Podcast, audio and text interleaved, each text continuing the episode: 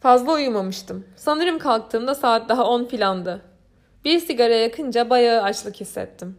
En son iki hamburger yemiştim. Brossard ve Ekli ile Hagerstown'a sinema için indiğimizde. Epey zaman olmuştu. Sanki 50 yıl geçmişti aradan. Telefon sağ tarafımda duruyordu. Aşağıyı arayıp bir kahvaltı isteyecektim ama bizim Morris'le gönderirler belki diye korktum. Onu görmeye can attığımı sanıyorsanız deli olmalısınız. Ben de yatakta biraz daha yatıp bir sigara daha içtim. Bizim Jane'e telefon edeyim dedim. Eve gelmiş mi öğreneyim diye. Ama havamda değildim. Ne yaptım ben de? Bizim Sally Hayes'e telefon ettim. Mary Woodruff okuluna gidiyordu. Evde olduğunu biliyordum. Çünkü bir iki hafta önce ondan bir mektup almıştım. Onun için pek deli divane olduğum falan yoktu. Ama yıllardır tanıyorduk birbirimizi. Eskiden onu pek akıllı sanırdım o aptallığımla tabii. Öyle sanmamın nedeni tiyatro, edebiyat ve bütün bu zırvalıklar üzerine çok şey bilmesiydi. Birisi bu konularda pek çok şey biliyorsa onun aptal olup olmadığını anlayabilmeniz epey zaman alıyor. Selin'in ne olduğunu anlamam için yıllar geçmesi gerekti. Sanırım onunla bu kadar oynaşmasaydık çok daha önce anlayabilirdim. En büyük sorunum da bu benim. Kiminle biraz oynaşsam onu bayağı akıllı biri sanıyorum. Hiç de öyle değil tabii ama ben yine de öyle sanıyorum. Neyse, aradım Seli'yi. Önce hizmetçileri çıktı, sonra babası. Sonra da Seli. Seli, dedim. Evet, kimsiniz? dedi. Yani ne sahtekardı bu kız. Kim olduğumu babasına söylemiştim. Holden Caulfield, nasılsın? Holden, iyiyim. Sen nasılsın? Müthiş. Şey, baksana. Bugün bir işin var mı diye merak ettim. Bugün pazar. Ama pazar günleri de bir iki matine vardır. Çok sevinirim. Harika. Harikaymış. Nefret ettiğim bir sözcük varsa o da bu harika sözcüğü. Ne kadar da sahte bir sözcük. Bir saniye için ona matineden vazgeçelim demeye niyetlendim. Ama bir süre çene çaldık. Yani o çene çaldı. Ondan size sıra gelmezdi bir türlü. Önce bana Harvard'lı bir herifi anlattı. Herif herhalde birinci sınıfta okuyordu ama bana bunu söylemedi tabii. Fena halde kesikmiş Seli'ye. Gece gündüz telefon açıyormuş. Gece gündüz. Bittim. Sonra başka bir herifi anlattı. West Point Harp Okulu öğrencisiymiş. O da Sally için gırtlağını kesmeye hazırmış. Çok önemli yani. İkide Baltimore'daki saatin altında buluşalım dedim ona. Geç kalmamasını söyledim çünkü oyun 2.30'da başlıyordu herhalde. Hep geç kalırdı. Telefonu kapadım. Felaket canımı sıkardı bu kız ama çok güzeldi. Sally ile buluşma işini ayarladıktan sonra yataktan kalktım. Giyindim ve bavullarımı topladım. Odadan ayrılmadan önce pencereye bir göz attım. Bizim şu sapıklar ne yapıyor bir bakayım diye. Ama bütün perdeler örtülüydü. Sabah olunca hepsi fena halde namuslu vermişlerdi. Asansörle aşağıya indim ve hesabı ödedim. Bizim Morris yoktu ortalıkta.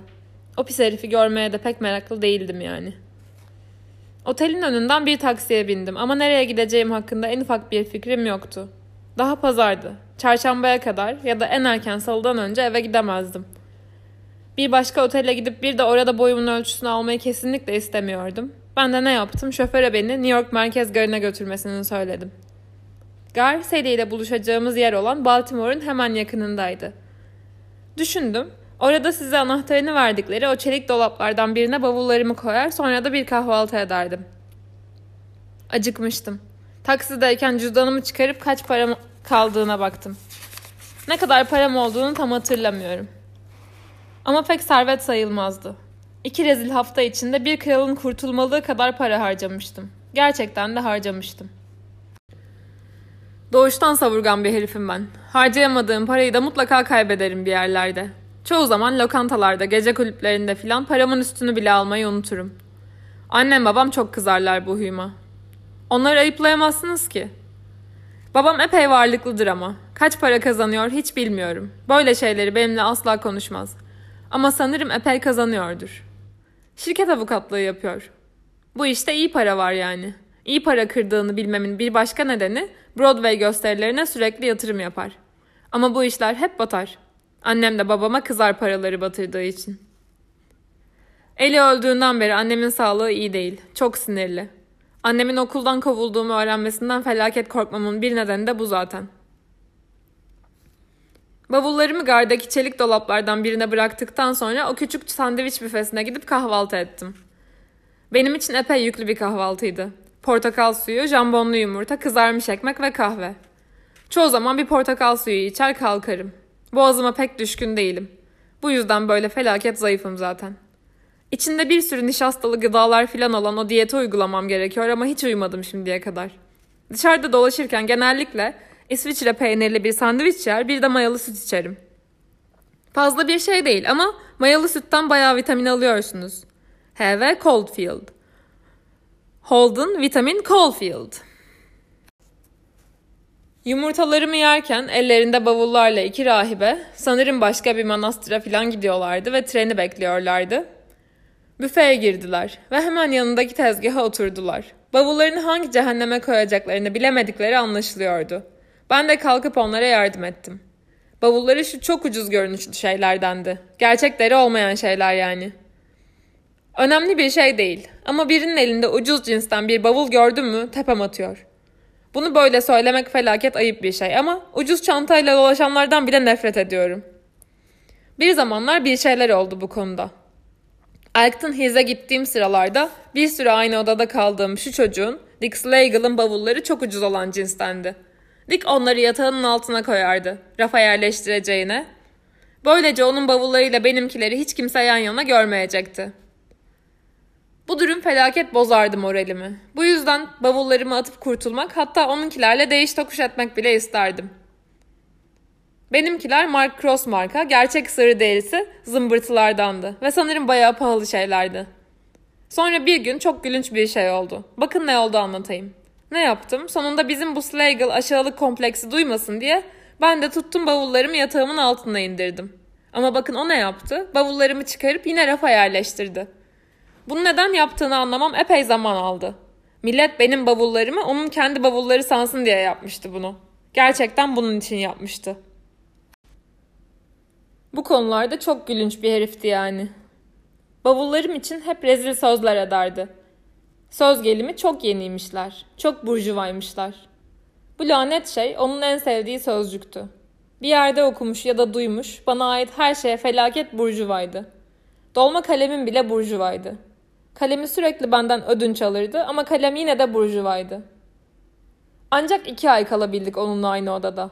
Sonra ikimizden de odayı boşaltmamız istendi. İşin gülünç yanı, odadan taşındıktan sonra onu biraz özledim. Çünkü çocukta felaket iyi bir mizah duygusu vardı ve bazen birlikte epey neşelenirdik. O da beni özlemişse hiç şaşmam buna. Önceleri bana ait zımbırtılara burjuva derken yalnızca şaka yapıyor diyordum ve hiç üstünde durmuyordum. Aslında gülünç bir şeydi. Ama bir süre sonra anlıyordunuz ki şaka filan değildi dedikleri. İnsanlarla oda arkadaşlığı yapmak zor bir iş. Eğer sizin bavullarınız iyi cinsten, onlarınkiler değilse yani, oda arkadaşınız akıllı filan biri ise ve herifte iyi bir mizah duygusu filan da varsa sanıyorsunuz ki kimin bavulu daha iyiymiş diye kafayı takmaz. Ama takıyor. Gerçekten takıyor işte. Stradlater gibi bir budala herifle oda arkadaşlığını yeğlememin nedenlerinden biri de buydu. En azından onun bavulları da benimkiler kadar kaliteliydi. Neyse. Bu iki rahibe yanıma oturdular ve konuşmaya başladık. Hemen yanıma oturan rahibenin elinde şu Salvation Army yavrucuklarının Noel zamanı para toplarken kullandığı sepetlerden vardı. Köşelerde bekleşirken görürsünüz onları. Özellikle 5. cadde yakınlarındaki büyük süpermarketlerin önlerinde filan. Neyse, yanımdaki rahibe sepetini yere düşürdü. Ben de yere uzanıp aldım, ona verdim. Bağış topluyor mu diye sordum. Hayır dedi. Bavuluna sığmamış sepet, o da böyle elinde taşıyormuş. İnsana baktığında çok güzel gülümsüyordu. İri burunluydu, demir çerçeveli gözlüğü pek çekici değildi. Ama felaket cana yakın bir yüzü vardı. Eğer bağış kabul ediyorsanız, dedim, sanırım küçük bir katkıda bulunabilirim. Bağış topladığınız zamana kadar saklarsınız, sonra da öteki bağışlara katarsınız. Ah ne iyisiniz, dedi. Öbür rahibe arkadaşı uzanıp bana baktı. Bir yandan kahve içiyor, bir yandan da siyah ciltli küçük bir kitabı okuyordu. İncil türünden bir şeydi. İkisinin önünde de kahvaltı diye kızarmış ekmekle kahve vardı yalnızca. Moralim bozuldu buna. Ben kalkmış jambonlu yumurta yerken birilerinin yalnızca kahve içip kızarmış ekmek yemesinden nefret ediyorum. Yardım olarak onlara 10 kağıt vermemi kabul ettiler. Bu kadar parayı verebileceğimden emin olup olmadığımı sorup durdular. Onlara üstümde epey param olduğunu söyledim ama bana pek inanmadılar. Ama sonunda aldılar. Durmadan bana teşekkür etmelerinden pek utandım. Konuşmayı genel konulara kaydırdım ve onlara nereye gittiklerini sordum. Öğretmenlermiş. Daha yeni Chicago'dan gelmişler. 168. mi 186. mı neyse işte kentin felaket kuzeyindeki o sokaklardan birinde bulunan bir manastırda öğretmenliğe başlayacaklarmış. Yanımda oturan rahibe İngilizce okutuyormuş. Arkadaşı da tarih ve Amerikan devlet bilgisi. Sonra birden pis pis meraklandım. Acaba yanımda oturan ve İngilizce okutan rahibe ders için okuduğu bazı kitaplar hakkında bir rahibe olarak filan ne düşünüyor diye.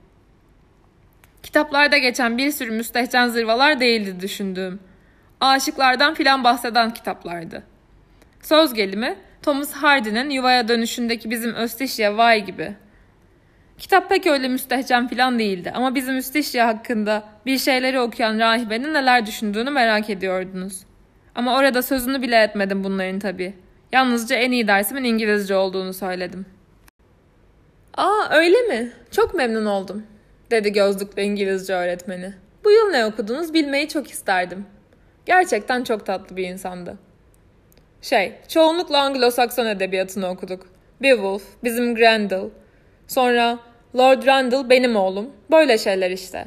Ama arada ek kredi için dışarıdan kitaplar da okumak gerekiyor. Yuvaya dönüşü okudum Thomas Hardy'den. Sonra Romeo ve Juliet ile Julius. Aa Romeo ve Juliet mi? Ne güzel. Çok beğendiniz değil mi? Ama pek bir de rahibe gibi konuşmuyordu yani.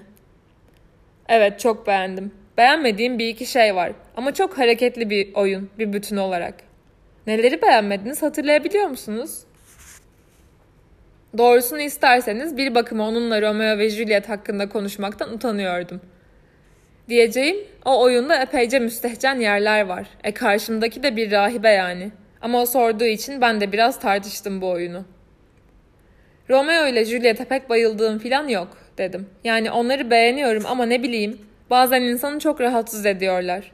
Ben o Mercutio'nun ölümüne Romeo'nun ve Juliet'in ölümlerinden daha çok üzüldüm. Mercutio öldürüldükten sonra artık Romeo'dan pek hoşlanmamaya başladım. Hani biri Juliet'in kuzeniydi. Ee, bıçaklıyordu Mercutio'yu. Neydi adı? Tybalt. Doğru Tybalt dedim. Bu herifin adını hep unuturum zaten.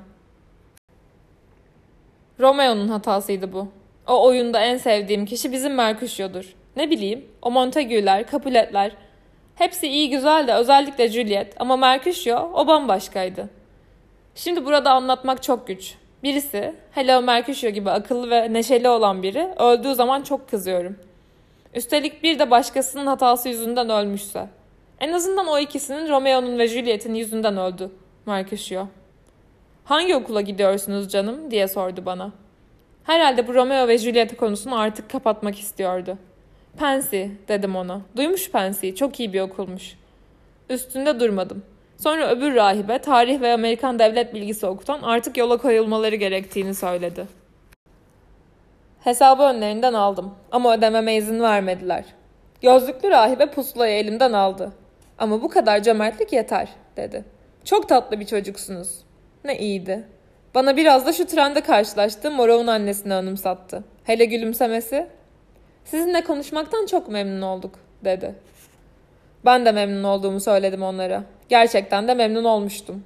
Onlarla konuştuğum süre boyunca birdenbire Katolik olup olmadığımı ne zaman soracaklar diye korkup durmasaydım sanırım daha da memnun olacaktım. Katolikler sizin de Katolik olup olmadığınızı anlamaya çalışırlar hep. Başıma çok geldi. Biliyorum çünkü. Biraz da soyadımın İrlanda kökenli oluşundan. İrlanda kökenlilerin çoğu Katoliktir. Aslında babam da Katolikmiş. Annemle evlenince bırakmış. Ama Katolikler soyadınızı bilmeseler de Katolik olup olmadığınızı anlamaya çalışırlar hep. Wood'un okulundayken Louis Gorman isimli bir çocukla tanışmıştım. Orada tanıştığım ilk çocuktu. Okulun açıldığı gün lanet revirin önündeki ilk iki sandalyede muayene olmak için beklerken onunla tenis üzerine konuşmuştuk. Tenise çok ilgi duyuyordu. Ben de duyuyordum. Forest Hills'deyken her yaz ulusal finallere gittiğini söylemişti. Ben de giderim demiştim ona. Sonra bazı ünlü tenisçilerden konuşmuştuk bir süre. O yaşına göre tenis üzerine epey şey biliyordu. Gerçekten biliyordu. Ama bir süre sonra lanet konuşmanın tam ortalık yerinde kentteki Katolik kilisesinin nerede olduğuna hiç dikkat ettin mi acaba diye sormaz mı? Bunu benim Katolik olup olmadığımı anlamak için sorduğunu anlıyordunuz. Gerçekten de bunun için sormuştu o soruyu. Önyargılı biri olduğu için filan değil, yalnızca bilmek istemişti. Tenis üzerine sizinle konuşmak filan çocuğun çok hoşuna gidiyordu ama anlıyordunuz. Bir de Katolik olsaydınız çok daha hoşuna gidecekti. Böyle zırvalıklar beni hasta ediyor. Konuşmanın içine etti filan demiyorum. Etmedi. Ama sormasının bir yararı olmadığı da kesindi. Bu iki rahibenin bana Katolik olup olmadığımı sormadıklarına bu nedenle memnun olmuştum. Sorsalardı konuşmamız berbat olmazdı ama ben de herhalde farklı davranırdım. Bir bakıma size anlattığım şu bavul işine benziyor bu durum. Güzel güzel konuşurken hiç iyi bir şey değil bu. Demek istiyorum. Hepsi bu yani. İki rahibe gitmek için kalktıklarında çok salakça ve ayıp bir şey yaptım. Sigara içiyordum. Güle güle demek için ayağa kalkınca biraz dumanı üfledim yüzlerine. İsteyerek olmadı ama oldu. Çılgınlar gibi özür diledim. Bunu çok kibarca karşıladılar ama ben yine de çok utandım. Onlar gittikten sonra bağış için yalnızca 10 kağıt verdiğim için üzülmeye başladım. Ama bizim Sally Hayes'le matineye gidecektik. Biletler için filan köşeye biraz para ayırmam gerekti. Ama yine de üzüldüm. Lanet para. Sonunda hep böyle üzülür durursunuz.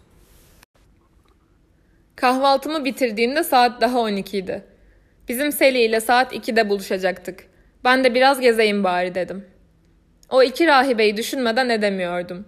Okulda öğretmenlik yapmadıkları zamanlar ortalıkta dolaşıp para topladıkları o yıpranmış eski sepeti düşündüm durdum.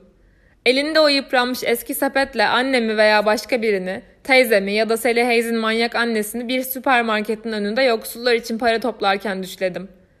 Annemi değil de öbür ikisini. Teyzem oldukça yardımsever biridir. Kızıl haç işleri için filan epey koşturur. Ama çok şık giyimli falandır. Yardım için bir şeyler yaptığında hep şık giyiniyor olur. Rujunu mucunu sürmüştür. Yardım için bir şey yaparken onu siyah elbiselerle ve rujsuz olarak düşünemiyorum. Hele bizim Sally Hayes'in annesini. Aman tanrım. O kadın böyle elinde bir sepetle ortalıkta filan para toplamaya ancak herkes eline ayağına kapanarak para verirse çıkabilirdi. Eğer insanlar yalnızca para bırakıp hiçbir şey söylemeden giderlerse, onu umursamadan filan yani, o saat bırakırdı para toplamayı.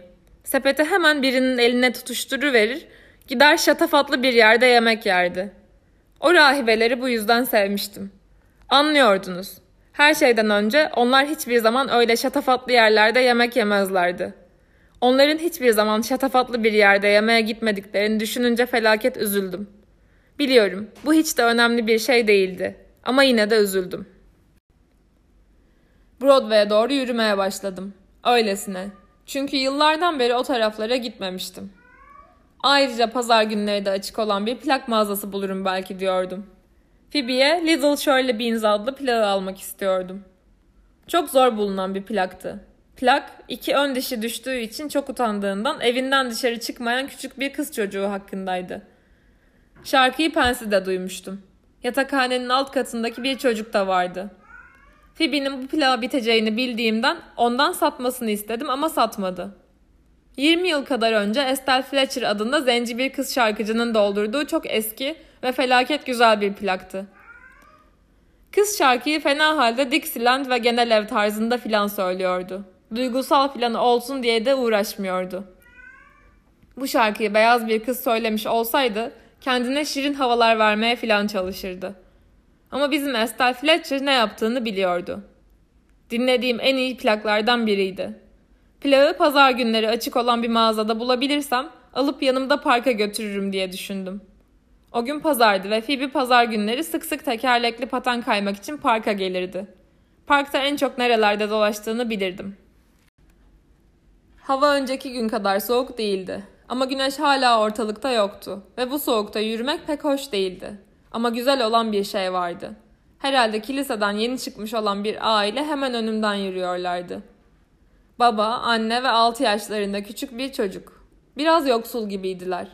Babanın başında yoksul heriflerin havalı görünmek için giydikleri o inci grisi şapkalardan vardı. O ve karısı çocuğa hiç dikkat etmeden filan öyle yürüyorlardı. Çocuk müthişti. Kaldırımda yürümüyordu, inmiş sokakta yürüyordu. Ama kaldırımın hemen dibinden. Dümdüz bir çizgide yürüyormuş gibi yapıyordu. Çoğu çocuklar gibi. Ve durmadan yakalarsa birini biri çavdarlar arasında şarkısını söylüyordu. Güzel bir sesi vardı. Üstelik şarkıyı felaket iyi söylüyordu. Anlıyordunuz. Arabalar yanından vızır vızır geçiyor, frenler cayır cayır ötüyor ve o kaldırımın dibinden yürüyor. Yakalarsa birini biri çavlarlar arasında şarkısını söylüyordu. Öyle hoşuma gitti ki artık fazla moral bozukluğu hissetmiyordum. Broadway tıklım tıklım doluydu ve çok gürültülüydü. Pazar günüydü, saat daha 12 idi ama yine de kalabalıktı. Herkes sinemalara gidiyordu. Paramount'a, Astor'a, Strand'e, Capitol'a, işte bu çılgın yerlerden birine. Herkes giyinmiş kuşanmıştı. Pazar günüydü çünkü. Bu daha da kötüydü. Ama en kötüsü herkesin sinemaya gitmeye can attığını görüyordunuz. Yapacak bir şey yoksa birinin sinemaya gitmesini anlarım. Ama biri gerçekten sinemaya gitmek istiyorsa, yetişeyim diye bir de hızlı hızlı yürümelere kalkarsa işte buna felaket canım sıkılır.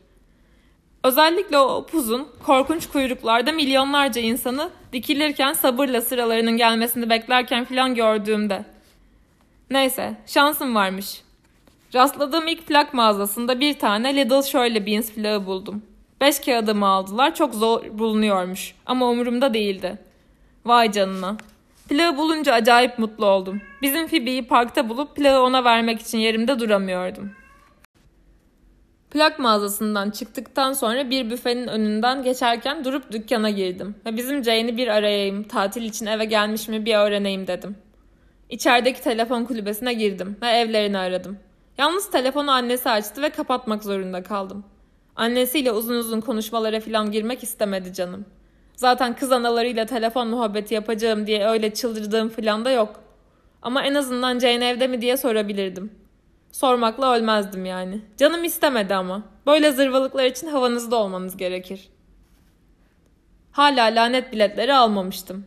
Gidip bir broşür aldım ve hangi oyunlar oynanıyor diye bir baktım. Pazar günü olması nedeniyle yalnızca 3 oyun vardı. Ben de ne yaptım? Biliyorum sevgilim için iki ön koltuk bileti aldım. Hayır için filan oynanıyordu. Pek seyretmeyi istemiyordum ama bizim sahtekarlar kraliçesi Sedi'yi iyi tanıyordum. Bu oyun için bilet aldığımı duyunca ağzının suyu akacaktı. Çünkü efendim Lundlar oynuyordu. Seli bu Lundların oynadığı çok sofistike ruhsuz oyunları çok sever. Ben sevmem. Doğrusunu isterseniz ben tiyatro oyunlarını da sevmem. Filmler kadar kötü değiller ama öyle ballandırarak anlatılacak bir yanları da kesinlikle yok yani. Her şeyden önce o aktörlerden nefret ediyorum. Normal insanlar gibi hareket ederek oynamıyorlar. Öyle oynadıklarını sanıyorlar. Bazı aktörler iyi oynuyorlar. Bir parça yani. Ama o da seyretmeye değmiyor. Bir aktör iyi ise hep anlıyorsunuz. İyi olduğunu biliyor ve bu da her şeyi berbat ediyor. Örneğin Sir Laurence Olivier'i ele alalım. Onu Hamlet'te seyrettim. D.B. Phoebe ile beni geçen yıl götürmüştü o filme. Bizi önce öğle yemeğine sonra da filme götürmüştü. Abim filmi önceden görmüştü. Yemekte bize öyle bir anlattı ki ben de görmek için felaket sabırsızlandım. Ama seyredince pek hoşuma gitmedi. Bu Sir Lawrence Olivier'in nesi böyle muhteşemmiş bir türlü anlayamadım. Felaket iyi bir ses tonu vardı. Acayip yakışıklı bir herifti. Ortalıkta yürürken, düello ederken filan onu izlemek güzeldi. Ama DB'nin anlattığı Hamlet değildi o. Üzüntülü, başı dertte olan bir herif değil de sanki muhteşem bir general gibiydi. Bütün filmin en iyi yeri bizim Ophelia'nın abinin en sonunda Hamlet'le düello eden hani uzaklara giderken babasının ona öğüt verdiği sahneydi. Babaları öğüt verirken bizim Ophelia ağabeyiyle gırgır geçiyor. Hançerini kığınından çıkarıyor. Ağabeyi babasının attığı palavraları dinler gibi görünürken onu kızdırıyor. O sahne çok güzeldi. Felaket keyiflenmiştim. Ama böyle şeyleri pek fazla göremiyorsunuz. Phoebe en çok Hamlet'in o köpeğin başını okşadığı sahneyi beğenmişti. Gülünç ve güzel olduğunu düşünüyordu. Öyleydi de. Aslında yapmam gereken şeyi biliyorum. Kitabını bulup o oyunu okumam gerek. Benim derdim de bu işte. Böyle zırvaları kendi başıma okumam gerek. Aktör oynamaya kalkınca zor bu dinliyorum. Her an ne sahtekarlık yapacak diye kıvranıp duruyorum. Lundların oyunu için biletleri aldıktan sonra bir taksiye binip parka gittim. Metroya filan binmem gerekiyordu çünkü lanet param azalıyordu. Ama o lanet Broadway'dan elimden geldiği kadar çabuk uzaklaşmak istemiştim. Parkta durum rezaletti. Hava pek soğuk değildi ama güneş hala ortalıkta yoktu.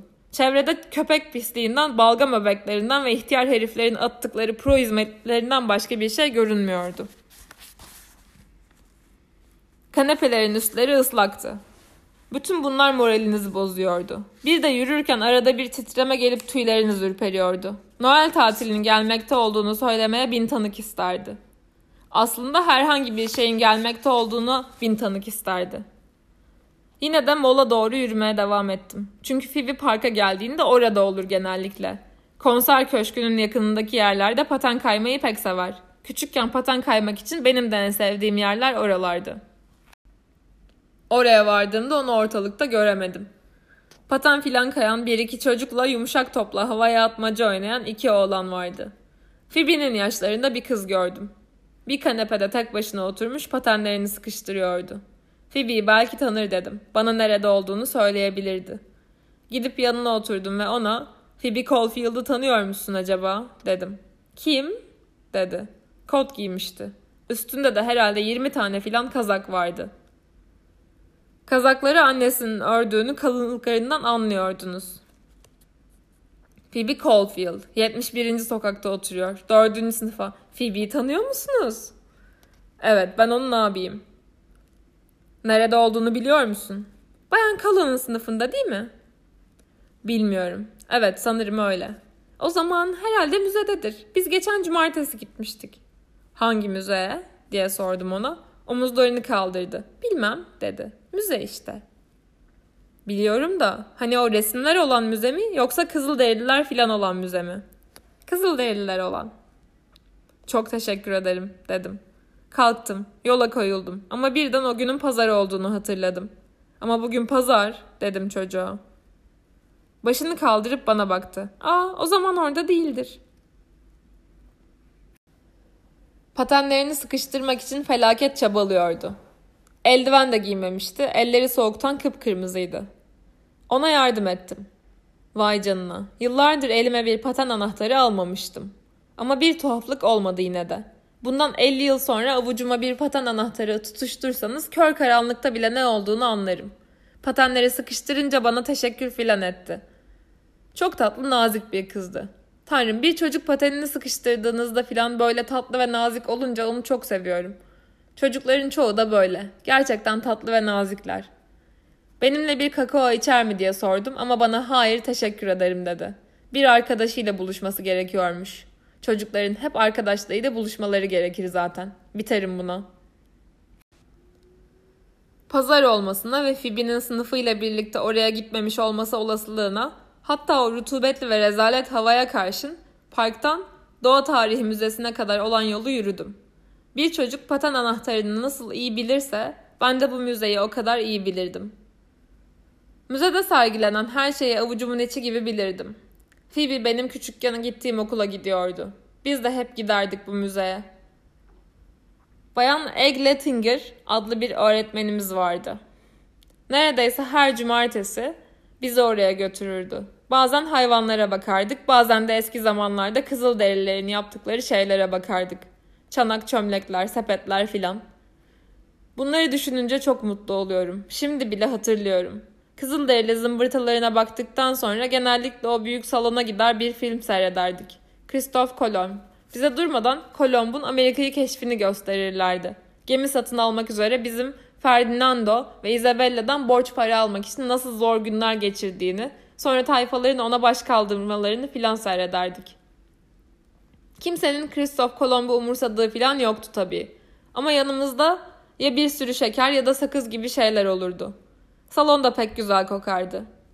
Salon dışarıda yağmur yağmasa da sanki yağmur yağıyormuş gibi kokardı. Ve yeryüzündeki en kuru ve en ılık yerdeymişsiniz gibi gelirdi size.'' O lanet müzeyi çok severdim. Hatırlıyorum, salona girmek için Kızılderili bölümünden geçmeniz gerekirdi. Upuzun bir geçişi vardı bu bölümün. Ancak fısıltıyla konuşabilirdiniz. Öğretmen en önde giderdi, ardından da sınıf. Siz çocuklar iki sıra olurdunuz. Bir de eşiniz olurdu. Eşim çoğu zaman Gertrude Levin adlı o kız olurdu. Kız hep elimi tutmak isterdi ama eli de yapış yapış ya da terli falan olurdu. Döşeme taştandı. Elinizde birkaç misket varsa bunları yere bırakmışsanız misketler çılgınlar gibi yerlerde zıplamaya başlar acayip şamata olurdu. Öğretmen de sınıfı durdurur ve ne rezillik oluyor diye bakmaya gelirdi. Ama hiç bozulmazdı bayan Egletinger. Sonra o upuzun kızıl derili kanosunun önünden geçerdiniz. Art arda üç lanet kadillak uzunluğundaydı kano. İçinde 20 kadar kızıl derili, bazıları kürek çeker, bazıları sert sert çevreye bakınırlardı. Hepsinin de yüzlerinde savaş boyaları olurdu. Kanonun en arkasında felaket korkunç bir herif vardı. Suratı maskeli. O heriften ödüm kopardı. Ama yine de severdim. Bir şey daha. Geçerken o küreklerden birine filan dokunursanız bekçilerden biri size hiçbir şeye dokunmayın çocuklar derdi. Ama güzellikle söylerdi. Öyle lanet bir aynasız gibi filan değil. Sonra büyük cam vitrine gelirdiniz. İçinde ateş yakmak için çubukları birbirine sürten kızılderili adamlar ve bir de battaniye dokuyan bir kızılderili kadın olurdu. Kadın battaniyeyi biraz öne doğru eğilmiş bir durumda dokurdu. Göğüslerini filan görebilirdiniz. Herkes ona bakardı. Kızlar bile. Çünkü daha küçüktüler ve bizden daha büyük değildi göğüsleri. Sonunda salona girmeden hemen önce kapının yanında o Eskimo'yu görürdünüz. Buz tutmuş bir gölün üstünde açtığı deliğin başında oturur balık tutardı. Deliğin yanı başında daha yeni yakaladığı iki balık dururdu. Vay canına. O müze cam vitrinlerle doluydu. Üst katta da bir sürü vitrin vardı. İçinde pınardan su içen geyik bulunan, kış geldiği için güneye uçan kuşlar olan, size yakın duran kuşlar doldurulmuş olurdu. Tellerle asılmışlardı. Geri plandakiler ise duvarın üstüne boyayla yapılmıştı. Hepsi de gerçekten güneye uçuyorlarmış gibi görünürlerdi. Başınızı eğip de onlara tersinden bakar gibi yaptığınızda kuşların güneye daha da aceleyle uçtuklarını sanırdınız. Ama o müzedeki en iyi şey her şeyin yerli yerinde kalmasıydı. Hiç kimse kıpırdamazdı yerinden. Oraya yüz bin kez gidebilirdiniz. O Eskimo hala daha yeni iki balık tutmuş olur. Kuşlar hala güneye uçar. Geyikler o narin bacakları üstünde o pınardan su içer ve göğüsleri görünen o kızıl derili kadın battaniyesini dokurdu. Kimse değişmezdi. Değişen tek şey siz olurdunuz. Çok büyümüş olmanız filan değil demek istediğim. Tam olarak o değil yani. Yalnızca değişmiş olurdunuz. Bu kez sırtınızda bir palto olurdu. Ya da son gelişinizde sıranızdaki eşiniz kızıl çıkarırdı ve yeni bir eşiniz olurdu. Veya bayan Eglettinger'in yerinde başka biri getirirdi sizi. Veya o gün banyoda annenizle babanız felaket bir kavgaya tutuşmuş olurdu. Veya üstünde gökkuşağı renkleri oluşan bir su birikintisini görmüş olurdunuz. Diyeceğim değişik bir şey olurdu sizde. Demek istediğim şeyi anlatamıyorum. Anlatabilsem de anlatmayı isteyeceğimden pek emin değilim. Yolda cebimden bizim avcı şapkasını çıkarıp giydim. Beni tanıyan biriyle karşılaşmayacağımı biliyordum. Hava oldukça nemliydi. Yürüdüm de yürüdüm. Yürürken de bizim Phoebe'nin cumartesileri benim gibi müzeye gidişini düşündüm. Benim gördüğüm bütün o aynı biçimde onun da göreceğini ama her görüşünde onun değişmiş olacağını düşündüm. Bunları düşünmek tam olarak moralimi bozmuş sayılmaz. Ama acayip keyiflenmiş de sayılmam yani. Bazı şeyler olduğu gibi kalmalı. Elinizde olsa da onları büyük cam vitrinlere koyup oldukları gibi kalmalarını sağlayabilseniz. Biliyorum olanaksız bir şey bu. Ama yine de pek fena olmazdı. Neyse, yürürken hep bunları düşündüm. Oyun parkının yanından geçerken durdum ve tahterevalliye binen çok küçük iki çocuğu seyrettim. Biri biraz şişmandı. Ağırlığı dengelemek için elimi zayıf olanın ardına koydum. Ama benim orada bulunmamdan hoşlanmadıklarını anlıyordunuz. Ben de onları rahat bıraktım. Sonra gülünç bir şey oldu. Müzeye vardığımda birdenbire bir milyon kağıt verseler bile içeriye girmemeye karar verdim. Canım hiç istemiyordu. Üstelik müzeyi falan göreceğim diye can atarak parkın içinde tüm o lanet yolu teptiğim halde. Phoebe orada olsaydı belki girerdim ama o da yoktu. Ben de ne yaptım? Müzenin önünden bir taksiye atladım ve Baltimore'a gittim. Canım oraya da gitmek istemiyordu ama Sally ile buluşacaktık.